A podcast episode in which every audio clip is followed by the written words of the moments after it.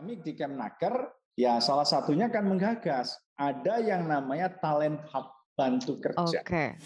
Kita harapkan ada dua. Kalau dia memang istilahnya terampil, dia misalnya dengan program magang, perusahaan yang apa namanya, perusahaan merasa dia senang, dia bisa direkrut menjadi pekerja. Syukur kalau menjadi wirausaha, itu sangat kita harapkan. Kita bersama-sama membantu mewujudkan mimpi Anda baik menjadi tenaga profesional maupun menjadi wirausaha yang handal.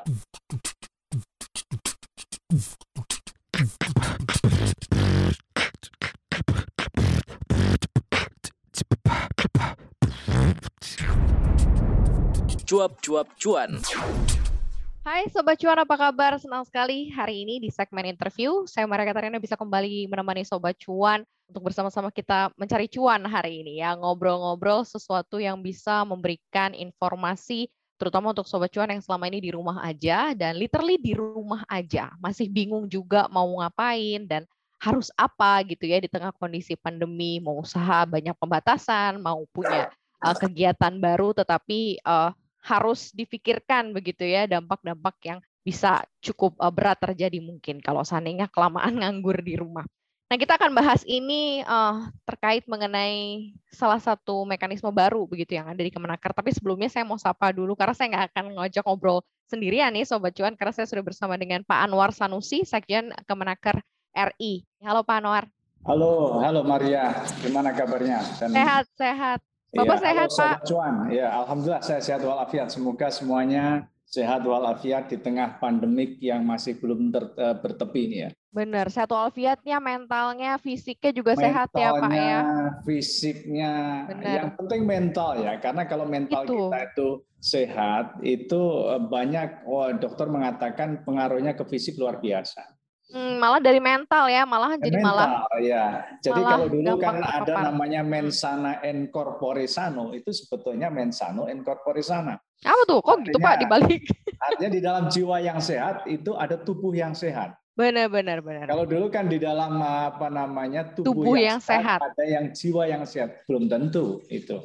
Mm-hmm. Nah, mudah-mudahan juga lah teman-teman eh, sobat cuan ini di tengah pandemik yang saya katakan yang belum bertepi, artinya belum selesai, ini kita semua uh, mudah-mudahan lah dalam kondisi sehat walafiat, imunitas uh -uh. ini terus uh, apa namanya kita bisa pelihara, kita kuatkan sehingga mudah-mudahan uh, COVID-19 tidak bisa masuk ke kita. Gitu. Amin. Nah ini kan kalau mental sehat tuh ada banyak faktornya ya Pak. Yang jelas kan ya. kantongnya ya. juga harus sehat ya oh, Pak. Iya. Uh, semua semuanya harus sehat kan Pak. Makanya mentalnya sehat. Nah di kondisi kayak gini nih, mumpung ngobrol uh, dari hmm. Kementerian Tenaga Kerja Kemenaker nih seperti apa nih Pak kondisi saat ini para pekerja-pekerja kita, teman-teman kita, teman-teman saya nih Pak, kerja yeah. informal dan juga non formal situasionalnya seperti apa kan? Kita tahu layoff banyak banget nih di tahun 2020. Nah, sekarang ketika lagi ada pembatasan, mereka-mereka yang bekerja di sektor informal kan banyak banget kan ada pembatasan dan ini bahkan gak jarang juga mungkin tempat bekerjanya akhirnya tutup gitu dan akhirnya mereka nggak yeah. bisa dapat kerjaan. Gimana ini Pak Anwar? Jadi begini ya eh, Maria ya, memang eh, saat ini eh, kita bisa katakan periode yang sangat sulit lah. Banyak hal yang memang di sini kesulitannya itu sudah multidimensi. Hmm. Kita menghadapi yang namanya virus corona ya, 19 atau COVID-19 ini kan uh, merupakan pengalaman seluruh dunia bagaimana kita bisa menghadapi secara efektif ini uh, tidak ada satu negara pun yang betul-betul mengklaim kita bisa mengatasi persoalan ini dari aspek kesehatan. Ya. Sehingga yang namanya uh, sampai saat ini teknologi untuk membuat vaksin pun kan terus berkembang seiring dari yang namanya virusnya ini juga virus pinter virus yang sangat menurut saya luar biasa smartnya ya. Mereka eh, apa namanya memiliki kemampuan adaptasi yang sangat tinggi. Sehingga muncullah berbagai varian-varian yang terkait yang saat terakhir pada saat kita bicara ini ya, ini katanya kan ada delta plus. Iya. Yang artinya yang itu juga berarti kan Udah masuk juga di kita itu ya Pak Delta plus ya? Ya, termasuk di kita. Kemudian uh, tadi yang pertanyaan kepada dampak kepada ekonomi, sektor ketenaga kerjaan luar biasa. Awalnya kita ini kan eh, kita itu sudah 17 bulanan ya. Kita dalam situasi pandemik ini Ya. Awal-awal pada bulan Maret sampai bulan uh, apa namanya uh, Agustus ini betul-betul sangat waktu itu tahun depan tahun-tahun kemarin ya 2020 ini luar biasa dampaknya kepada sektor ketenaga kerjaan sehingga pada saat survei ini hampir 30 juta yang namanya tenaga kerja ini adalah terdampak dari adanya COVID-19. Hmm. Tapi survei kemudian, enam bulan kemudian, pada bulan Februari, ini sebetulnya ada semacam katakanlah uh, sinyal yang cukup bagus.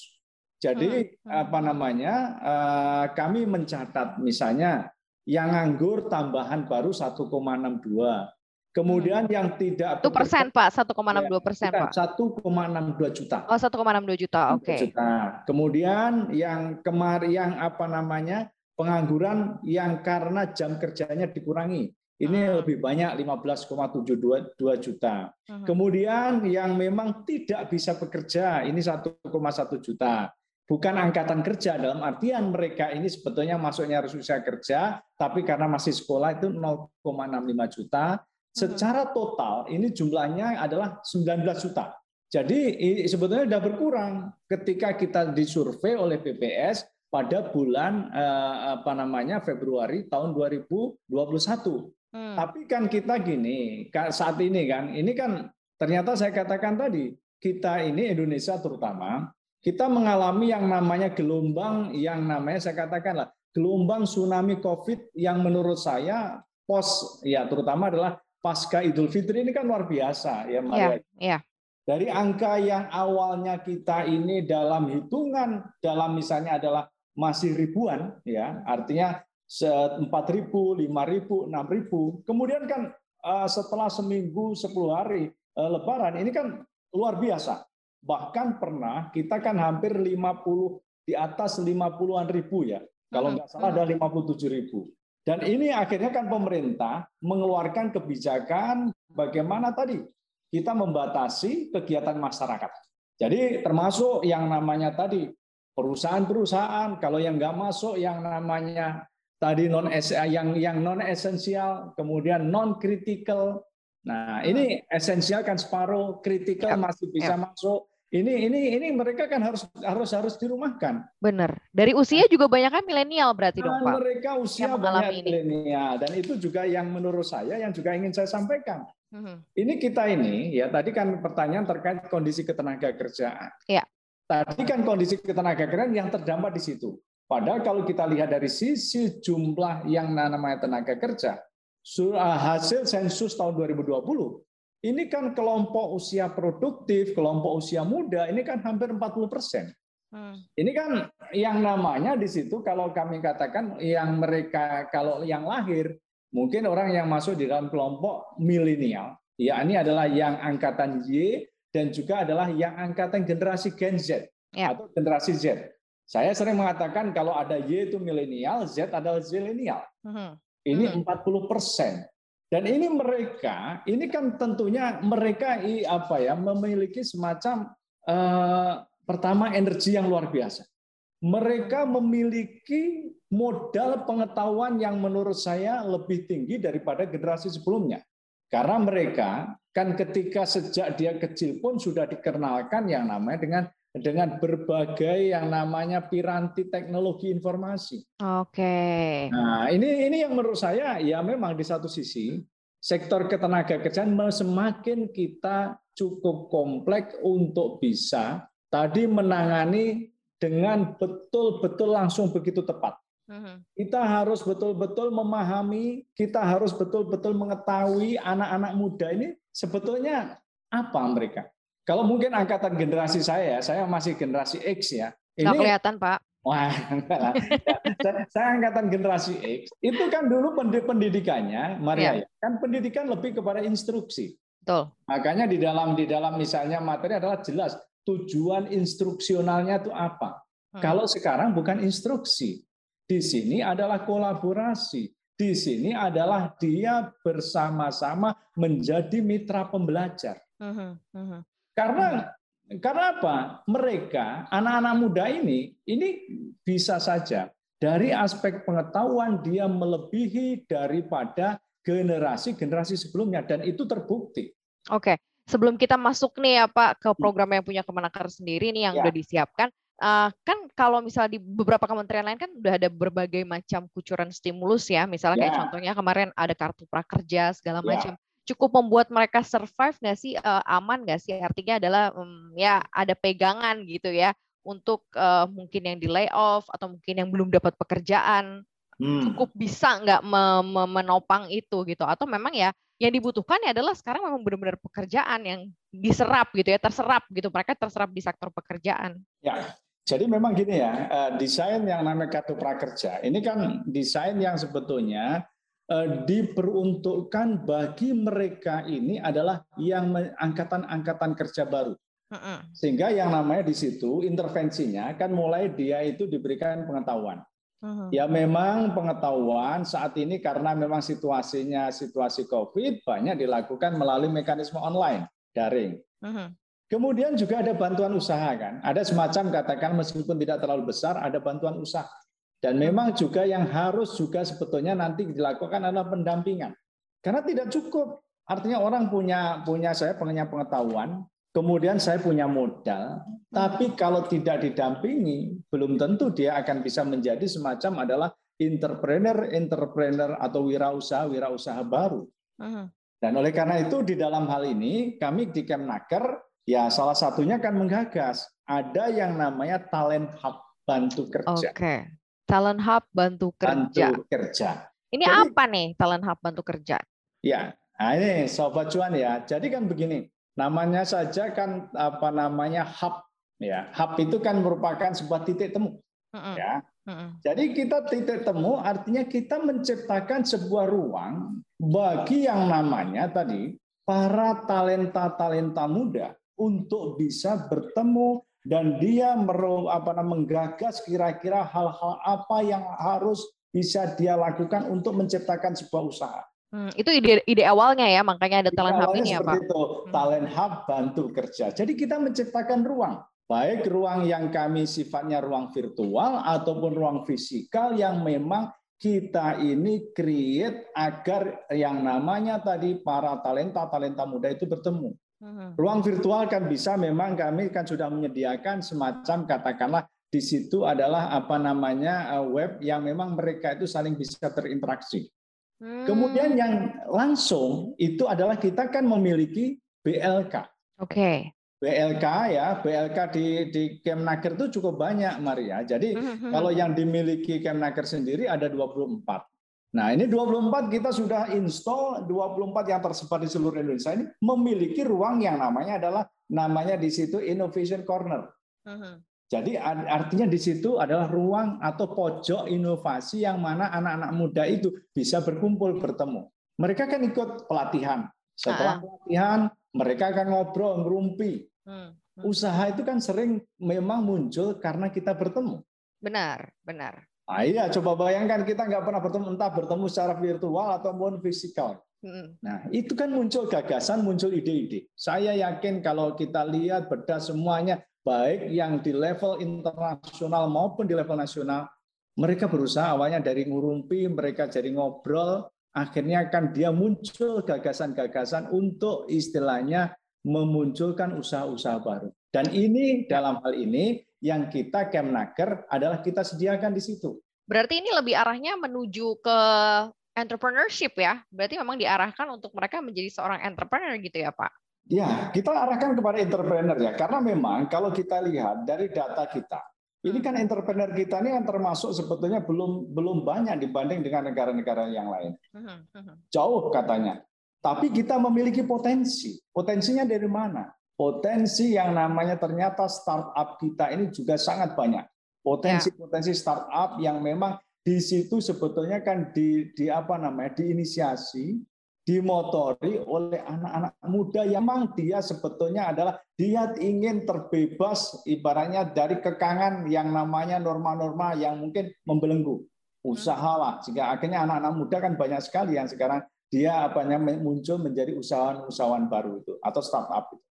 Hmm, Oke, ini menarik sih Pak sebenarnya. Cuman gimana ya caranya mengakses? Maksudnya kayak tal- talent hub itu, misalnya kalau nih sobat cuan nih denger nih di rumah, Ya, gimana ya caranya mau mau masuk, mau ga, mau gabung jadi eh, salah satu talent di Talent Hub. Terus gimana how to promote-nya? Kan berarti setiap orang boleh menceritakan dong keahlian-keahliannya atau mungkin apa sih yang nanti akan dimunculkan begitu ya di Talent Hub ini nih Pak Anwar? Kalau kalau di dalam Talent Hub ini ada yang namanya pertama kali adalah kita yang pertama kalau misalnya Anda misalnya nanti kan di, masuk di dalam uh, apa namanya uh, web kami ya talenthub.kemnaker.go.id.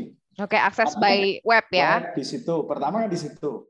Artinya paling tidak di situ kan kita juga menyediakan aneka-aneka yang pertama tadi kita ada semacam digital apa namanya di situ adalah training. Pelatihan-pelatihan pelatihan digital yang memang di situ kita lakukan, kita provide sebagai upaya kita untuk membuka pengetahuan. Terutama adalah kepada yang tadi istilahnya apa namanya generasi-generasi sobat-sobat cuan, anak-anak milenial, anak-anak zilenial yang mereka itu ingin sebetulnya di situ ingin tahu apa ya kira-kira yang memang sesuatu yang bisa saya tingkatkan agar saya bisa memiliki sesuatu peluang. Nah, kemudian kita juga gini, artinya di situ ada juga konseling. Konseling oh. yang memang ah, konseling. Jadi kalau bingung jadi bisa boleh ada konseling dan ini anak-anak muda ini kan kita ya, okay. ada ada talent, talent makanya namanya kan talent hub bantu kerja. Mm-hmm. Ya artinya kita konseling, kita ngobrol. Ya artinya konselornya itu juga sendiri belum tentu ibaratnya dia ibaratnya seorang yang sangat berhasil enggak, tapi paling tidak memiliki pengetahuan untuk bersama-sama didiskusikan. Hmm, kayak map aja berarti jangan nyasar gitu ya. Jadi ya, ada arahnya gitu nyasar, ya. Betul, betul seperti itu Maria. Artinya artinya tadi ada konseling dan juga ada pendampingan. Mm-hmm. Karena kan gini, kalau pendampingan misalnya yang kalau kami melihat kan ya, tadi saya katakan 24 PLK. 24 PLK di Kemnaker itu cukup banyak ya meskipun kalau untuk melihat menampung berbagai istilahnya tadi angkatan kerja yang jumlahnya ya kalau kalau kita lihat ini jumlahnya itu kan hampir sekitar eh, apa namanya eh, setiap tahun angkatan kerja itu kan serat, eh, total kita 139,81 juta. Hmm, hmm, setiap tahun nambah 3 juta. Ya. Artinya kan juga nggak mungkin itu kita, tapi paling tidak istilahnya kita tadi kalau misalnya virtual ada, kemudian fisikal juga ter, terfasilitasi, paling tidak dia akan menjadi katakanlah kalau di dalam teorinya multi level marketing, dia akan menjadi katakan influencer bagi yang apa downlinernya kan. Hmm. Hmm. Ini road, roadmapnya gimana sih nih Pak Anwar? Artinya adalah yang akan ada di Talent Hub ini biar sobat cuan gitu loh, uh, berarti saya cukup bisa terbantu. Apakah di situ ada uh, ada pencari kerjanya gitu, artinya adalah para pencari kerja uh, kitanya gitu ya bisa dilirik juga oleh orang-orang yang memang akan memberi kerja. Si pemberi kerjanya juga bisa lihat nih, oh saya cari nih di Talent Hub ada namanya Maria gitu ya. Yeah. Oh ternyata dia bakatnya ini ini ini ini dia bisa nih apa namanya uh, dia bisa administrasi atau apa segala macam. Nah itu nanti akan di source juga, artinya bisa dicari di sana atau seperti apa nih Pak Anwar? Jadi gini, artinya tadi saya katakan ya, ke depan memang kita ingin talent hub ini ini menjadi platform bagi insan-insan muda Indonesia yang memiliki passion ya di bidang digital dan berkeinginan untuk menambah pengetahuan serta wawasan dan berkolaborasi dengan sesama anak muda. Hmm, hmm, hmm. Jadi kan memang tadi saya katakan kita ini sebetulnya hanya perlu tempat, perlu media untuk ngobrol, untuk bertemu agar gagasan-gagasan itu muncul. Gagasan itu muncul karena kita ketemu ya. Kalau kecuali memang gagasan katakanlah kita sebagai saintis ya udah di, di mana di di rumah di, ya. di rumah di, sambil merenung ya Pak. Nah itu ide. Tapi kalau gagasan usaha biasanya muncul kan karena gini kita hmm. pertama kan mendapatkan tadi mendapatkan mitra mendapatkan tadi apa namanya di sini adalah sparring partner terutama adalah coach ya. Pendamping yang kita ngajak diskusi, ngobrol. Nah, anak-anak yang sekarang ini ada kita di di Kemnaker kita menyiapkan para coach-coach ini yang dia bisa menjadi mentor untuk pengembangan usaha. Dan tadi saya katakan roadmap-nya apa? Roadmap-nya ya artinya setelah ini tadi kita coba untuk digital talent hub ini kita sampaikan kepada publik. Publik mulai katakanlah dia masuk, mulai melihat. Kita juga sudah siapkan misalnya adalah tadi yang pertama coach, yang kedua adalah pelatihan-pelatihan yang memang bisa kita lakukan baik metodenya adalah daring maupun yang luring, online Hmm, maupun yang offline. Hmm. Nah setelah itu kami kan juga memiliki yang namanya data lain yang terkait dengan tadi saya eh, Maria akan tanya, wah ini kan nggak semua pak untuk menjadi entrepreneur bisa menjadi pekerja, bisa Iya. disalurkan pekerja. Pekerja apa? Misalnya kata Pak, saya ini sekarang passion saya yang sekarang tren ya, misalnya saya pengen jadi barista, Hmm, ya kan? Kan sekarang kopi itu kan sudah bahasa universal. betul. Nah, kami juga ada di situ BLK-BLK yang memang fokusnya di kopi. Untuk bagaimana adalah Anda itu bisa jadi barista yang baik. Itu bisa disalurkan di situ. Jadi pada intinya kita ingin meminta, tadi saya katakan ruang-ruang yang memang di situ anak-anak muda. Dia bisa berkreasi, dia bisa meningkatkan pengetahuannya dengan dia belajar, tentunya dengan dia meningkatkan keterampilan, pengetahuan, dia lebih berkompetitif dibanding yang lainnya. Hmm, Nah, ini Oke. Ya, saya katakan tadi, next-nya ya, kami sudah tadi gerakan yang itu tadi. Setelah kita memang eh, di dalam eh, tahap awal, kita paling tidak ingin ada seribu orang yang berkesempatan untuk misalnya adalah ikut pelatihan. Seribu orang yang nanti magang, Maria. Mhm. Program magang ini juga menjadi andalan kami. Jadi kerjasamanya banyak dong berarti dengan Sudah pemberi kita, kerja. kita alhamdulillah sudah kerjasama dengan Kadin, kerjasama Wow. dengan Apindo. Nah ini dan kita kita gini, artinya Berarti kan, kalau mau jadi entrepreneur juga nih Pak Anwar hmm, bisa juga membuka ruang pembuka apa membuka ruang untuk pembiayaan juga bisa ya dapat investor yang seperti itu juga sangat betul, bisa ya. sa- Sangat bisa. Artinya kan kita juga program-program pemerintah ini kan juga cukup banyak. Salah satunya kan kredit usaha rakyat, kredit Hmm. mikro. Kalau di Kemnaker sendiri pun ada juga, tapi sifatnya juga ibaratnya di situ adalah kayak semacam piloting. Kita kasih bantuan modal untuk dia istilahnya coba untuk merintis usaha. Itu juga ada. Jadi kita ingin kalau ini sudah jadi tadi seribu yang kita latih, seribu yang kita magangkan, seribu yang memang istilahnya apa nanti akan kita kita dampingi, ya memang kita kita kan kata seribu itu kata yang untuk bisa ibaratnya ada semacam suatu image ya. Mm-mm. pertama seribu dulu. Kalau seribu jadi akan kita tingkatkan lagi menjadi sepuluh ribu. Sepuluh ribu jadi mungkin seratus ribu dan seterusnya. Nah, Hmm. Dan kita ingin tadi saya katakan karena ini kita sudah dicanangkan, apalagi pas dicanangkan. Ini kan tanggal 20, Ya. 25 Juli. 25 kemarin ya. 24 tahun Kemnaker Mhm. ulang tahun. Artinya kan kita ingin ini betul-betul menjadi semacam platform baru bagi artinya yang platform baru bagi Kemnaker terutama untuk tadi memfasilitasi para talenta-talenta muda untuk dia bisa menemukan passionnya, menemukan skillsnya, dan akhirnya kita harapkan ada dua. Kalau dia memang istilahnya terampil, dia misalnya dengan program magang, perusahaan yang apa namanya, perusahaan merasa dia senang, dia bisa direkrut menjadi pekerja. Syukur kalau menjadi wirausaha, itu sangat kita harapkan. Sehingga kalau wirausaha kan Maria kan artinya kan bisa Ya. dia bisa dia apa namanya nanti akan uh, merekrut orang. Dan Ya. saya rasa banyak sekali ya program-program yang itu bisa dikembangkan dan istilahnya potensi-potensinya banyak sekali.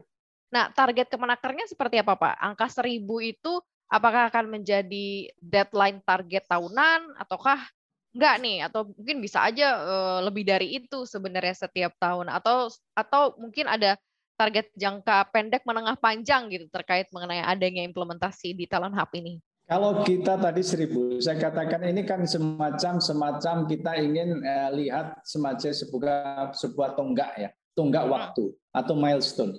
Di milestone pertama seribu, ini tidak hanya hanya ke, apa, saya rasa setahun setahun sangat inilah sangat uh, panjang lah. Bisa kita lihat mungkin triwulan atau semester. Nanti akan kita evaluasi. Karena memang gini, ini nanti kaitannya, uh, Maria ya, kita kan Talent Hub ini ada di pusat yang namanya pusat pasar kerja. Ya. Jadi nanti kan pusat pasar kerja, kalau kita kita tadi, kalau saya optimismenya ya, kalau misalnya kita punya data, kalau saat ini kita katakan perusahaan kita itu kan hampir 30 juta, data ada di situ semua. Kemudian kita juga ada namanya wajib lapor ya ke tenaga kerjaan perusahaan. Jadi perusahaan-perusahaan kita minta untuk lapor berisi istilahnya informasi terkait lowongan pekerjaan dan lain sebagainya. Nah, ini akan akan saling menurut saya apa namanya adanya talent hub bantu kerja ini akan memperbaiki sisi-sisi terutama adalah dari sisi supply penyediaan dari pasar kerja itu sendiri. Ya, oke oke. Nah, ini mudah-mudahan nih Sobat Cuan yang dengar Pak Anwar nih menjadi tercerahkan ya bahwa ada salah satu uh, platform baru dari Kemenaker, baru banget di launching ya kemarin ya 25 Juli ya dan oh. punya banyak misi sudah bekerja sama juga dengan berbagai macam instansi begitu ya dan terbuka juga lagi untuk bisa mendapatkan pembiayaan kalau misal memang mau terjun ke entrepreneur. Jadi yang pertama nih Sobat Cuan harus lakukan apa nih Pak Nor? Masuk dulu nih ke webnya, ya. daftarin diri, ya. terus seperti apa nih secara teknisnya nih Pak? Jadi gini, secara teknisnya Sobat uh, Sobat Cuan ya, ini uh, pertama silahkan masuk dulu kepada kepada web. Nanti kan kita juga di situ kita sudah menyiapkan talent apa namanya talent hub apa namanya uh, talent hub uh, channelnya ya. Di situ anda saya masuk. Tinggal diklik ya, tinggal, tinggal masuk diklik, ya. Di situ masuk, kemudian nanti dalam proses berikutnya dari para istilahnya di sini kami katakan adalah sebagai mitra-mitra yang kami siapkan di Kemnaker akan menjadi semacam katakanlah sparring partner untuk kita bisa berdiskusi dalam rangka pengembangan kapasitas, pengembangan keterampilan para sobat-sobat cuan itu. Ini nggak ada batasan usia kan ya Pak Anwar kan? Ya kan namanya usia itu kan hanya sebuah angka. Yang penting Betul kan namanya sekali. semangat kan. Jadi sebenarnya asal memang memiliki uh, talent ya, karena namanya talent ya. ya, asal memiliki hmm. talent dan merasa bahwa gagasannya ini mungkin bisa dieksplorasi lebih dalam sehingga bisa menghasilkan sesuatu kenapa enggak juga gitu ya gabung di Talent Hub betul, ya Pak. Betul oh. sekali Maria itu. Oke, nah ini mungkin pesannya Pak Anwar deh dari Kemenaker terhadap teman-teman nih, terhadap sobat cuan, para pencari ya. cuan, para pencari kerja kan pencari cuan nih Pak. Ya, Apa ya, nih ya, pesannya ya, ya. dari Kemenaker dengan adanya apps ini atau dengan adanya aplikasi baru ini gitu ya, Hub Talent Hub ini dan juga uh, ya pasti selaras juga dengan Kemenaker dalam membantu nih teman-teman saat ini yang mungkin lagi kesulitan cari kerja atau dapat kerja atau mau kerja gitu. Nah, gimana nih Pak? Ya, jadi begini ya, pesan saya tentunya adalah uh, uh, memang pertama jangan pernah menyerah. Artinya kita memang tantangan yang kita hadapi saat ini adalah tantangan yang luar luar biasa besar. Kita tanpa pandemik pun kita juga sangat sangat sangat berat. Ditambah ini, tapi masih banyak sekali peluang masih banyak sekali harapan. Saya yakin kalau seandainya tadi misalnya kita harapan itu muncul kalau kita mampu berkomunikasi. Kita ada dalam satu ruang yang sama untuk kita berdiskusi, untuk kita istilahnya bertukar pengetahuan, pengalaman, dan itu ada di Talent Hub Bantu Kerja. Jadi silahkan masuk dan bergabung di dalam Talent Hub eh, Bantu Kerja dan kita bersama-sama membantu mewujudkan mimpi Anda baik menjadi tenaga profesional maupun menjadi wirausaha yang handal. Demikian Maria, terima kasih. Cakep banget Pak Anwar, keren banget ya. Mari bergabung di Talent Hub Bantu Kerja. Dan harusnya kita bersyukur ya Sobat Cuan karena di tengah kondisi pandemi, kemudian banyaknya teman-teman kita yang harus survive ada ternyata mekanisme negara tuh nggak diem aja loh ternyata memiliki lagi mekanisme terobosan-terobosan baru untuk membantu nah kenapa nggak dimulai aja dari sekarang apalagi dengan kehebatan dan kecanggihan digital teman-teman juga bisa akses di mana, di mana saja begitu ya tidak tertutup oleh usia yang penting harus tetap kreatif begitu ya dan punya talent untuk bisa berkembang di sana kece banget deh pokoknya ini sukses banget buat Kemenaker ya Pak. Terima kasih banget. Ini pencerahan loh buat sobat yeah. cuan semua gitu ya. Karena banyak banget yang masuk aduh pusing gitu ya ya pusingnya karena apa ya kantongnya nggak sehat gitu ya mau yeah. sehat mental tapi kantongnya nggak sehat tapi ternyata yeah. ada yang bisa menyehatkan sobat cuan juga Luar betul, biasa. Betul, betul. Hmm. Thank you banget sekali lagi Pak. Terima Anwar. kasih Maria ya. Semua uh, mudah-mudahan tentunya kita berharap pandemi segera berakhir. Amin, amin. Tapi apa pun situasi sulit, kalau kita masih tetap punya keinginan, saya yakin masih punya harapan yang sangat besar. Terima kasih. Ada keinginan, ada harapan, ada jalan tuh dikasih ada sama jalan, ya. ya, pastinya. Jadi nggak cuma ngomong doang. Jadi sekarang waktunya ya Sobat Cuan di rumah daripada nggak ngapa-ngapain, mendingan coba lihat gitu ya, beli kuotanya sedikit, coba dicek ya, yeah. Talent Hub. Makasih sekali lagi uh, Pak Anwar atas obrolannya seru banget gitu ya. Kalau saya sih kepengennya ketemu ngobrol suatu hari nanti ya Pak langsung. Siap, siap. Nanti Karena kalau kan, sudah sudah misalnya betul. ini saya saya pengen juga kalau seandainya nanti kita sudah banyak punya banyak sekali komunitas, pandemi sudah selesai, kita agendakan semacam adalah uh, big gathering ya untuk para talenta talenta talenta muda. Mm-hmm. Diajak ya Pak, cuap-cuap cuan ya Pak. Siap, siap, siap. Karena kan kita ujung-ujungnya kan para pencari cuan, sobat cuan begitu ya sobat di talent hub gitu ya. kan. Gabung tuh ya. cuap-cuap cuan, hmm. ajak ngobrol ke studio kita. Thank you sekali lagi Pak Anwar, terima kasih. Sehat-sehat selalu. Terima kasih Maria, sehat selalu ya. Oke, sukses semuanya. Sukses Pak, thank you. Sama-sama. Okay. Nah, Sobat Cuan, itu tadi ya obrolan seru saya bersama dengan Pak Anwar Sanusi, Sekjen Kemenaker RI tentang salah satu aplikasi atau hub baru yang disiapkan oleh Kemenaker yaitu adalah Talent Hub. Mudah-mudahan obrolan ini nih bisa diambil saripatinya oleh para sobat cuan dan sobat cuan yang mungkin bingung mau seperti apa sekarang harus ngapain gitu ya dan ternyata Kemenaker punya salah satu program yang bisa menjembatani itu. Bisa jadi pekerja profesional atau wirausaha profesional melalui Talent Hub. Jadi bergabung bersama dengan Kemenaker RI ya. Terima kasih sudah dengerin podcast Cuap Cuap Cuan hari ini. Pastinya jangan lupa untuk dengerin kita juga di Apple Podcast, Google Podcast, dan juga uh, di Spotify. Pastinya jangan lupa follow akun Instagram kita di @cuap underscore cuan dan juga subscribe YouTube channel kita ya di Cuap Cuap Cuan. Support dan dukungan dari Sobat Cuan akan bisa membuat kita bikin konten-konten yang menarik lainnya. Thank you banget. Maria Katarina pamit. Bye.